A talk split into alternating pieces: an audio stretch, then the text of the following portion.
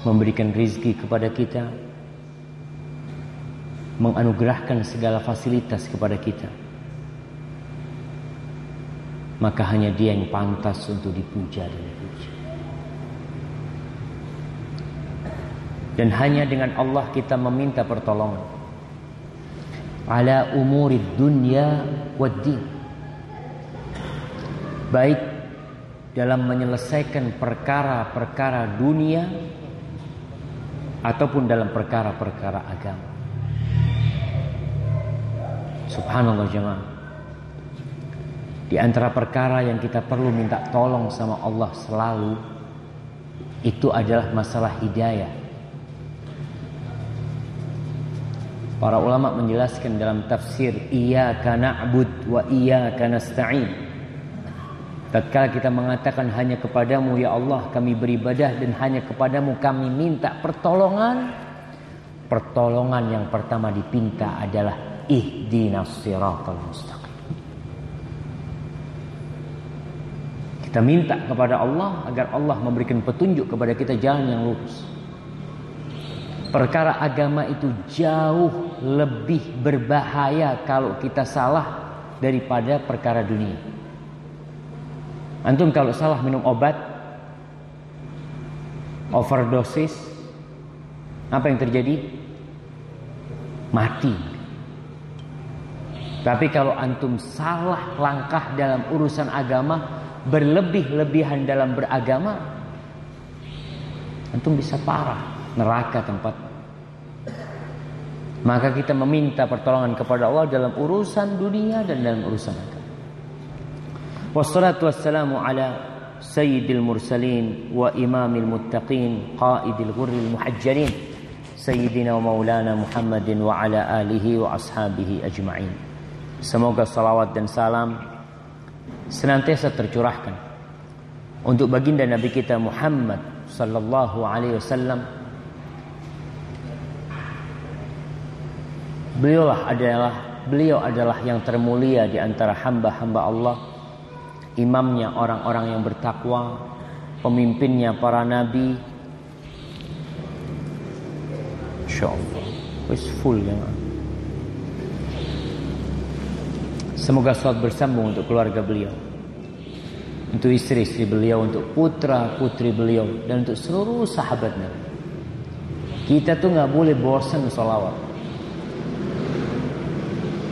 Setiap sholat kita mengatakan Allahumma salli ala Muhammadin wa ala ali Muhammadin kama sallaita ala Ibrahim wa ala ali Ibrahim kita mengatakan Allahumma salli ala Muhammadin wa azwajihi wa dhurriyyatihi kama sallaita ala ali Ibrahim wa barik ala Muhammadin wa azwajihi wa dhurriyyatihi kama barakta ala ali Ibrahim innaka Hamidum Majid.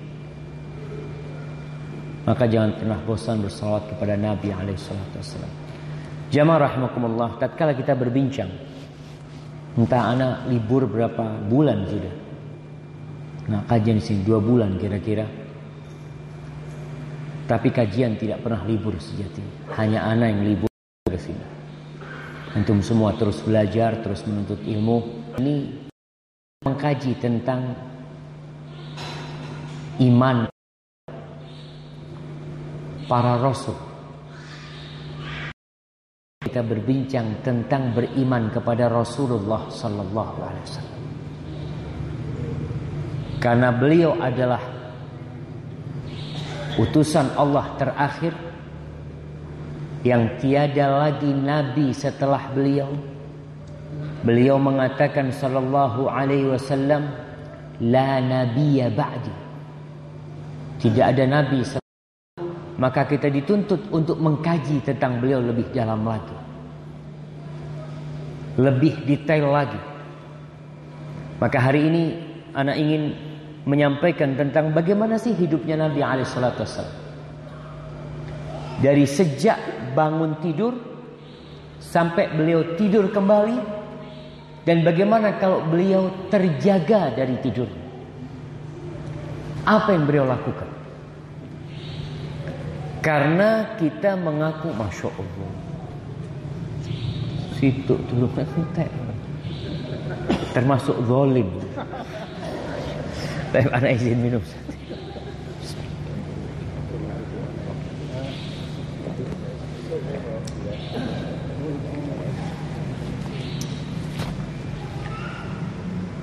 Kita tahu banyak orang yang ingin tahu kehidupan idola mereka. Sampai para artis itu atau para pemain bola mereka itu menunjukkan gaya hidup sehari-hari dia di media sosial. Ada para artis yang selalu mengupload dirinya dalam kegiatan-kegiatan dia. Pagi hari lagi sarapan, lagi naik mobil, lagi turun di jembatan, lagi mampir di warung, lagi berangkat ke pasar. Itu mereka upload. Apalagi sekarang dengan media tinggal pakai HP. Dia sambil bicara, Anda lagi di pasar nih, lagi mau beli ini, itu, macam-macam. Kenapa? Karena banyak pengikut dia. Dan para pengikut ini ingin tahu tentang dia lebih dalam lagi. Makanya jamaah, antum tahu. Follower terbanyak di Instagram. Itu siapa? Apakah seorang ustaz? Apakah seorang seorang artis?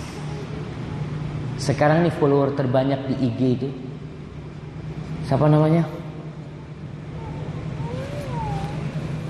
Ada perempuan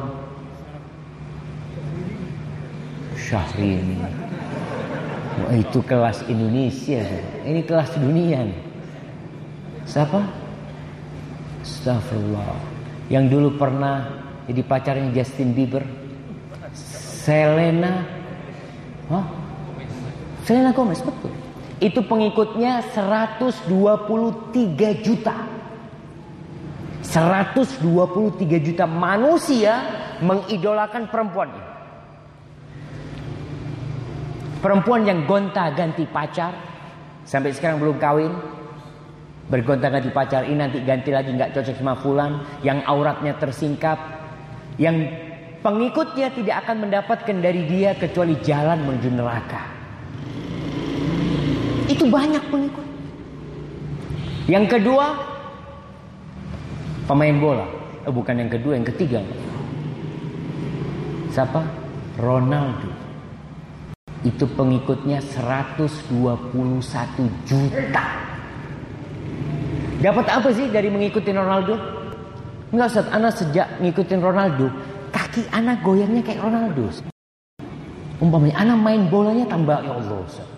Kayak seakan-akan ruhnya Ronaldo masuk ke diri. Apakah seperti itu? Nggak ada. Kenapa orang-orang seperti itu yang ditonjolkan? Di Indonesia terus berusaha untuk acara-acara idola. Kita ini perlu tahu Nabi Alaihissalam sejak bangun tidur sampai tidur lagi kayak apa. Kenapa? Karena mengikuti Nabi Alaihissalam mengantarkan kita ke surga mengikuti sunnah. Kita mau belajar sunnah Nabi ini. Kita mengaku ahlu sunnah wal jamaah. Benar antum ahlu sunnah wal jamaah. Buktikan. Ahlu sunnah itu artinya orang-orang yang mengikuti sunnah. Yang mencintai sunnah. Dan dia berkumpul taat kepada pemimpin. Itu disebut ahlu sunnah wal jamaah. Ketika orang menyimpang, maka dia tidak disebut ahlus sunnah, disebut ahlul bid'ah wal furqah. Artinya orang-orang yang suka dengan bid'ah dan cinta perpecahan. Masing-masing hidup. Maka kita perlu belajar sunnah Nabi Alaihissalam. Apa sih artinya sunnah? Para ulama menjelaskan Sunnah dalam istilah para ulama menjelaskan dia sebagai lawannya bid'ah. Ketika dikatakan ini sunnah, lawannya makalah adalah bid'ah. Maka muncul istilah tadi ahlu sunnah wal jamaah sebagai lawan dari ahlul bid'ah wal furqah. Dikatakan gerakan khawarij menyimpang dari sunnah. Mereka berpisah dari Ali bin Abi Thalib radhiyallahu taala anhu. Bahkan dia memerangi Ali bin Abi Thalib radhiyallahu taala padahal mereka ahli ibadah. Mereka bunuh Ali bin Abi Thalib sebagai bentuk mendekatkan diri kepada Allah Subhanahu wa taala. Karena apa? Karena pemikiran bid'ah yang ada pada mereka. Taib. Yang kedua, yang dimaksud dengan sunnah adalah sebuah dalil setelah Al-Quranul Karim. Kalau kita bicara Quran, Quran dan sunnah. Nabi SAW bersabda, Ya ummul qaum akra'uhum li kitabillah. Hendaklah yang jadi imam itu adalah orang yang paling banyak hafalannya Al-Quranul Karim. Kitabullah. Fa in kanu fil qiraati sawa. Kalau bacaan mereka sama. Sama-sama tiga juz, ini tiga juz. Siapa yang jadi imam? Apakah yang paling tua? Apakah yang paling ganteng? Apakah yang paling yang paling apa? Tinggi jabatannya? Bukan. Nabi alaihissalatu mengatakan fa in kanu fil qiraati sawa bis sunnah. Maka yang jadi imam adalah orang yang paling ngerti sunnah paling alim dengan sunnah. Adapun sunnah dalam istilah para ulama fikih dan ulama usulul fik ketika mereka berbicara tentang sunnah mereka punya istilah tersendiri. Ahlul hadis, para ulama hadis, mereka juga tatkala berbincang tentang sunnah maksudnya juga berbeda. Kalau ulama hadis mengatakan sunnah itu adalah ma'udhifa ila nabi sallallahu alaihi wasallam min qaulin au fi'lin au taqririn au sifatin khuluqiyatin au khalqiyatin. Yang dimaksud dengan sunnah menurut ahli hadis adalah segala sesuatu yang disandarkan kepada Nabi alaihissalatu wassalam. Baik itu ucapan Nabi sallallahu alaihi wasallam bersabda. Jadi sunnah. Au fi'lin Nabi alaihi salatu wassalam tidur miring ke kanan. Ini perbuatan. Au takririn atau ketetapan Nabi. Nabi alaihi salatu wassalam mendapat berita seorang sahabat setiap sholat membaca Qul huwallahu ahad. Dapat berita nih. Nabi membiarkannya Bahkan Nabi memotivasi orang itu. Maka ini jadi sunnah. Padahal Nabi tidak berkata, Nabi tidak mengamalkan. Tapi diamalkan seorang sahabat kemudian dibiarkan sama Nabi SAW. Maka itu jadi sunnah, bukan bid'ah. Jangan sampai orang salah paham, oh itu sahabat melakukan bid'ah. Bukan, itu hukumnya jadi sunnah. Kalau Nabi melarangnya selesai. Tapi Nabi membiarkannya berarti itu maknanya takrir. Nabi mau itu jadi sunnah. Ini menurut istilah ulama hadis. Kemudian atau sifat. Baik itu sifat fisik atau sifat mental. Dikatakan Nabi SAW adalah seorang yang sangat pemberani itu sifat mental Nabi alaihissalam, psikis beliau. Atau sifat fisik. Contohnya apa? Karena Rasulullah sallallahu alaihi wasallam lam yakun tawilan wala qasiran. Nabi alaihi dan tidak pendek. Beliau sedang-sedang tinggi. Nabi alaihissalam dikatakan mamanya tangannya beliau besar Bagaimana model hidung Nabi alaihissalatu wassalam. Bagaimana jenggot Nabi alaihissalatu wassalam. Maka itu disebut sunnah. Ini istilah para ahli hadis. Adapun ahli usul, ulama-ulama usulul fiqh, maka sunnah menurut mereka kalau itu dalil berkaitan usul fiqh mengatakan Termasuk dalil adalah sunnah. Maka ini dimaksud apa mereka mengatakan segala sesuatu yang disandarkan kepada Nabi SAW baik itu ucapan, perbuatan atau ketetapan. Bedanya sama ahli hadis, ahli hadis memasukkan sifat Nabi kepada sunnah. Ini sunnah Nabi. Mamanya, kenapa kok uh, antum olahraga? Iya, anak tahu Nabi Alaihissalam itu kekar badan. Jadi dia ini mencontoh Nabi dari sisi sunnah ini. Itu sebenarnya tidak ada sisi hukumnya buat ulama usulul fiqh sehingga mereka tidak memasukkan dalam sunnah yang sebagai dalil. Kemudian ada pun ulama fikih ketika berbicara tentang sunnah sebagai sebuah hukum maka mereka mengatakan sunnah itu suatu perintah yang diperintahkan dalam agama tapi yang tidak dituntut untuk benar-benar melaksanakan. Nggak melaksanakan nggak apa-apa. Maka mereka memasukkan masalah yang dianjurkan kepada sunnah. Umpamanya sholat qobliyah itu sunnah. Ada yang memberikan definisi sunnah itu ini di kalangan ulama fikih mengatakan yang apabila dikerjakan dapat pahala, kalau ditinggalkan tidak apa-apa, tidak berdosa. Sunnah itu kalau dikerjakan berpahala, kalau ditinggalkan tidak berdosa. Tapi dikritisi oleh beberapa ulama definisi ini kurang tepat.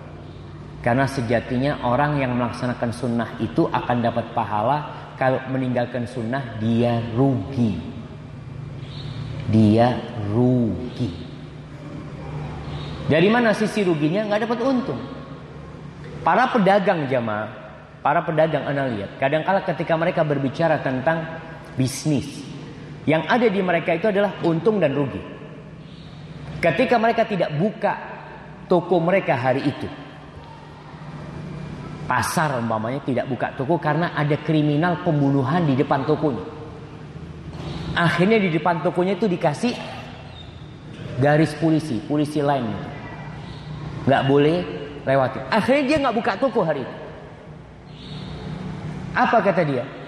Wallahi rugi anak hari ini. Rugi kenapa? Antum kehilangan apa rugi? kehilangan keuntungan. Artinya orang kehilangan keuntungan itu disebut rugi. Anak kalau buka biasanya sehari dapat 2 juta. Gara-gara garis polisi itu anak nggak buka toko, akhirnya rugi berapa? 2 juta. Begitu pula orang yang meninggalkan sunnah. Umpamanya orang meninggalkan dua rakaat sebelum subuh. Rugi apa tidak apa-apa? Rugi besar dia. Rugi besar kehilangan dunia dan isinya. Karena dua rakaat sebelum subuh itu lebih baik dari dunia dan isinya. Baik, berbincang tentang sunnah ini, sunnah tadi yang kalau kita uh, mengamalkan dapat pahala, kalau meninggalkan rugi, ada banyak fadilah jamaah yang akan kita dapatkan ketika seorang ngaji sunnah. Artinya dia ngaji apa yang diajarkan Nabi Alaihissalam dan mengamalkannya dalam kehidupan. Yang pertama yang akan dia dapatkan adalah sampai derajat dicintai Allah. Allah itu memberikan cintanya kepada orang-orang spesial. Memang secara umum Allahu waliyul ladzina amanu. Allah pelindung, Allah kekasih orang-orang yang beriman. Tapi orang-orang beriman ini tingkatannya beda-beda. Sebagaimana pernah kita bahas tingkatan beragama. Yang pertama Islam, terus iman, terus ihsan. Itu beda-beda. Orang yang mengamalkan sunnah, dia mendawamkan dirinya mengamalkan sunnah Nabi Alaihissalam dan tidak meremehkan sunnah. Karena di antara kita banyak yang meremehkan sunnah. Nah, bukan cuma sunnah. Jangan terlalu ekstrim dalam beragama. Kita bukan ekstrim. Kita mengajak orang untuk mengamalkan sunnah. Agar apa? Agar dicintai Allah Jalla Jalla. Rasulullah sallallahu alaihi bersabda, "Qala Allah azza wa jalla." Allah berfirman kata Nabi sallallahu. Allah mengatakan, "Man adali waliyan faqad adantuhu bil harb." Barang siapa yang memusuhi kekasihku, maka aku mengumumkan perang sama orang itu. Supaya kita tahu siapa yang namanya waliullah. Karena di masyarakat kita, ya waliullah itu kadang-kala orang yang nyeleneh disebut waliullah. Orang nggak pernah sholat, katakan kemudian hanya pakai sarung belaka jalan ke sana sini. Sebagian orang itu takut kan. Dicium tangan kamu waliullah. Tidak sembahyang yaitu majdu. Atau bahasa Maduranya apa? Kelap. Kadang-kala seperti itu. Baik, kita akan tahu di sini. Ini firman Allah dalam sebuah hadis qudsi Allah mengatakan, "Wa ma taqarraba ilayya 'abdi bi syai'in ahabba ilayya mimma aftaradtu alaih." Tidak ada satu amalan yang diamalkan oleh hambaku yang aku lebih cinta dalam rangka dia mendekatkan dirinya kepadaku lebih daripada yang aku wajibkan. Ibadah yang wajib, sholat yang lima waktu. Itu yang paling Allah cintai. Kemudian ketika orang ini sudah melaksanakan wajib-wajib, ternyata hamba ini ingin naik derajat. Bagaimana dia naik derajatnya? Pegawai negeri. Kalau ingin naik pangkat, apa yang harus dia lakukan? Kadangkala harus ikut training. Kadangkala harus sekolah lagi. Antum kau lihat di militer, di kepolisian dari perbuatan-perbuatan bid'ah dikarenakan kalau kita mengamalkan ajaran Nabi alaihissalatu dia udah cukup. Kenapa kita membutuhkan yang lainnya? Yang keempat merupakan syiar, syiar Islam. Seperti azan, iqamah ya, untuk menunjukkan Islam itu. Dan kita lihat di beberapa negeri, khususnya negeri-negeri non muslim, azan tuh nggak boleh keluar azan itu hanya boleh di dalam masjid. Akhirnya tujuan azan tidak tersampaikan. Tujuan azan itu apa? Memanggil orang-orang yang di luar dan memberitahuan kepada orang-orang yang di luar kalau sekarang masuk waktu sholat. Tapi nggak boleh. Sehingga syiar Islam ini bisa jadi ya mati di beberapa negeri. Oh alhamdulillah di tempat kita ada masjid. Tapi adanya nggak boleh, nggak boleh keluar. Maka dengan kita menegakkan sunnah, antum ketika di airport, umpamanya mau sholat berjamaah atau mau sholat sendiri, pas masuk waktu sholat azan, komat untuk menunjukkan ini sunnah, ini syiar Islam. Mungkin akan ditoleh sama orang. Ngapain nih orang-orang? Oh, ternyata dia sedang menegakkan sunnah. Anda ingat seorang dosen di kelas. Dia cerita tentang persepak bolaan Saudi yang kelas remaja. Pada waktu itu tanding di di Eropa. Tanding di sana pas masuk waktu sholat. Kata pelatihnya nanti pas waktu mau sholat ya udah kalian sholat di lapangan kan nggak langsung main kan biasanya masih ada apa pengumuman ini itu sambutan macam-macam kalian sholat dulu masya Allah itu di tengah hiruk pikuk penonton dan acara yang lagi rame salah satu di antara pemain bola itu azan dia teriak Allahu Akbar Allahu Akbar Tahu-tahu lapangan bola itu sunyi senyap. Tunduk kepada zikrullah. Mereka sedang terpesona. Ini ngapain ini orang-orang? Ditunggu ini pemain sampai sholat sampai selesai sholat baru acara dilanjutkan. Kata Syekh ketika itu menang mereka. Allah kasih kemenangan. Tapi sekarang banyak pemain-pemain bola udah nggak mikirin sholat. Gampanglah sholat tuh. Ini itu. Padahal yang memenangkan kita itu adalah Allah Jalla Jalla. Baik, kembali jadi sunnah untuk menunjukkan syiar-syiar. Tadi Anda sampaikan wanita yang berkerudung mamanya mengamalkan perintah Allah ini ketika dilihat oleh manusia, mungkin orang akan keheranan. Dikatakan, oh ada ninja. Dan sampai dilarang. Ada perguruan tinggi Islam melarangnya. Larangan itu dicabut. Kenapa larangan itu dicabut? Mereka tidak akan bisa memendung sudah. Sebagaimana dulu pernah dilarang jilbab. Sempat yang berjilbab dikeluarkan. Kalau kemarin yang bercadar bukan dikeluarkan, tapi dia apa? Dibina. Dibina, dikasih pembinaan ini itu supaya mereka melepas cadar. Kenapa sih? Kok ribet banget sih antum? Kenapa yang tidak berpakaian apa-apa kok dibiarkan? Tapi kembali mengamalkan ajaran Islam ini adalah termasuk menegakkan syiar-syiar Allah. Yang kelima, menyelamatkan ibadah wajib, mengamalkan yang sunnah ini, menyelamatkan ibadah wajib kalau iman lagi turun.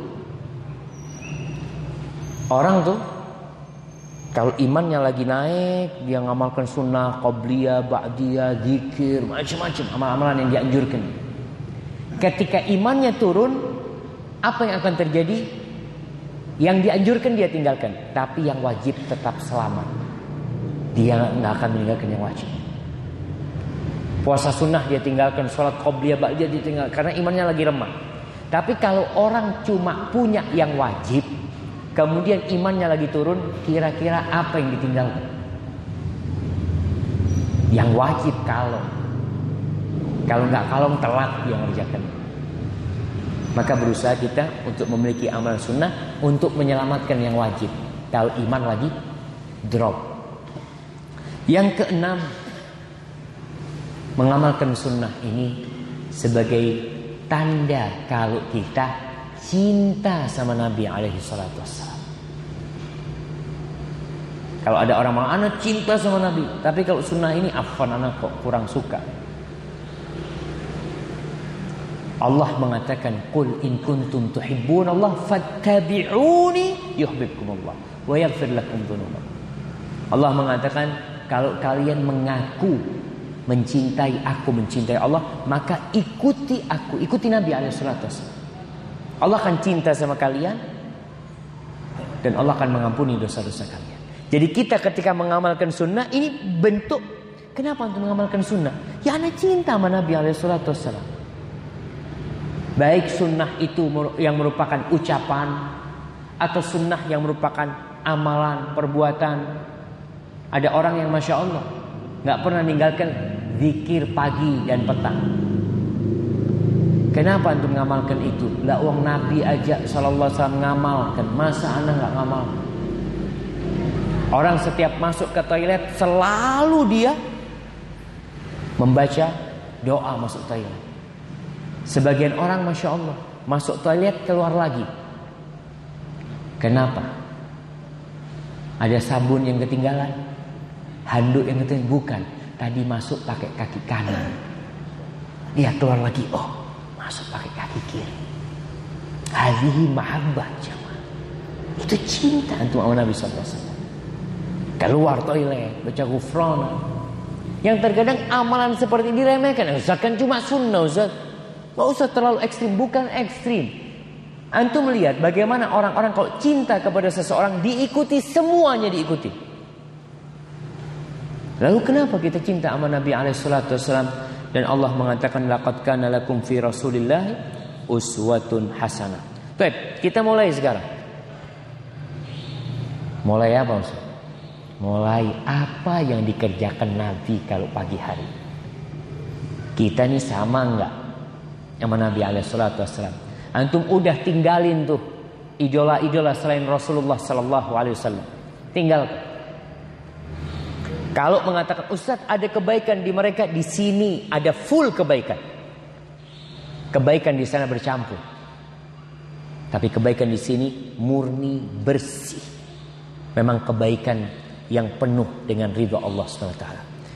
Dimulai dengan pagi hari ketika terjaga dari tidur. Rasulullah Sallallahu Alaihi Wasallam kalau terjaga pagi itu bangun tidur, apa yang beliau lakukan? Beliau itu duduk. Kemudian beliau mengusir tidur dari wajahnya. Lalu beliau berdoa.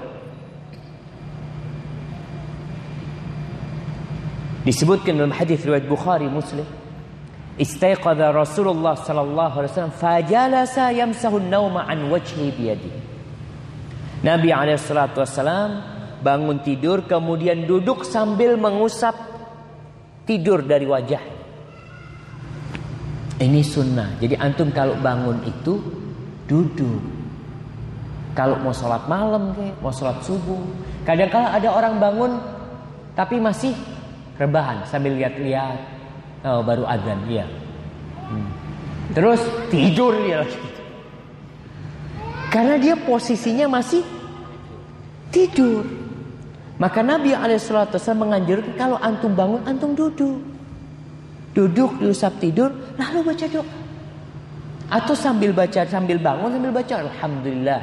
Atau untuk mau baca doanya sedang tidur nggak ada masalah. Tapi posisi harus berubah. Sebagian kita masya Allah bangun pasang beker pasang alarm.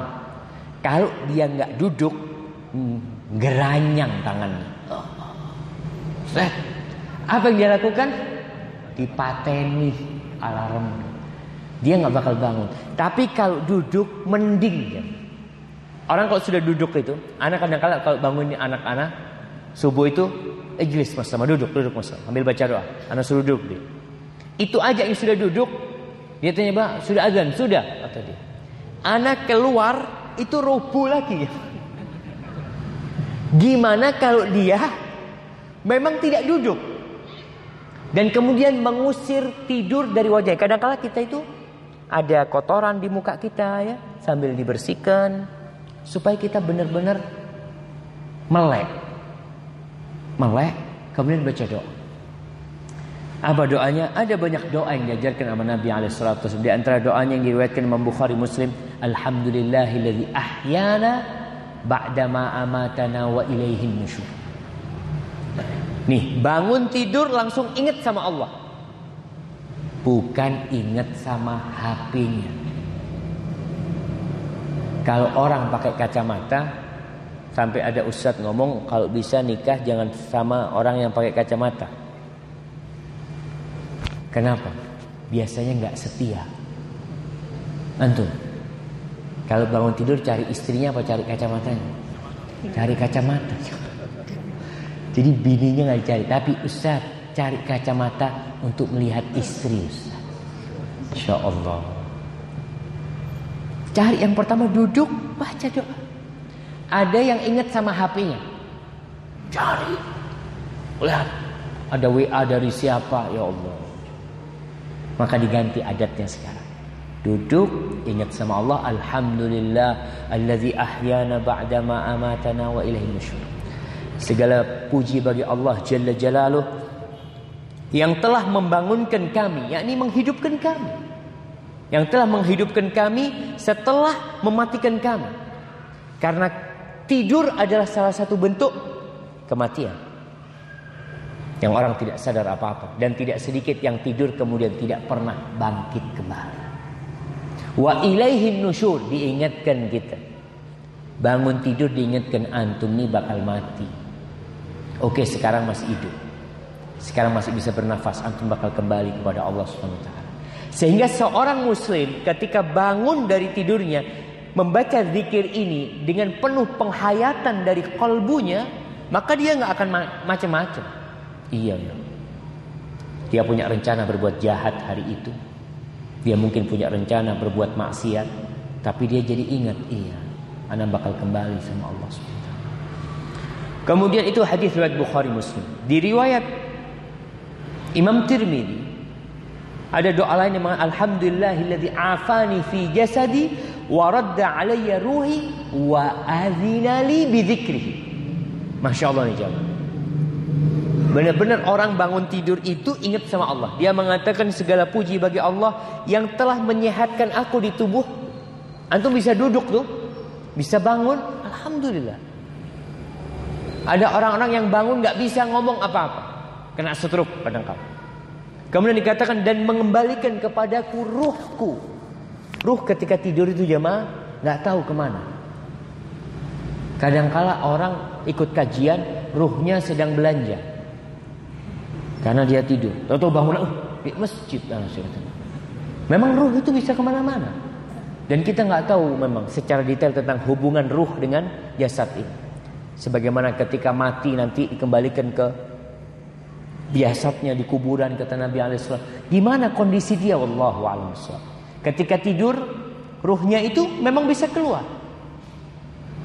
Tapi kok masih bisa nafas Ustaz? Wallahu a'lam.